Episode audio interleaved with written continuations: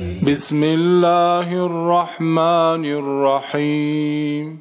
اللهم اجعل لي نصيبا من رحمتك الواسعة. واهدني فيه لبراهينك الساطعة. وخذ بناصيتي إلى مرضاتك الجامعة.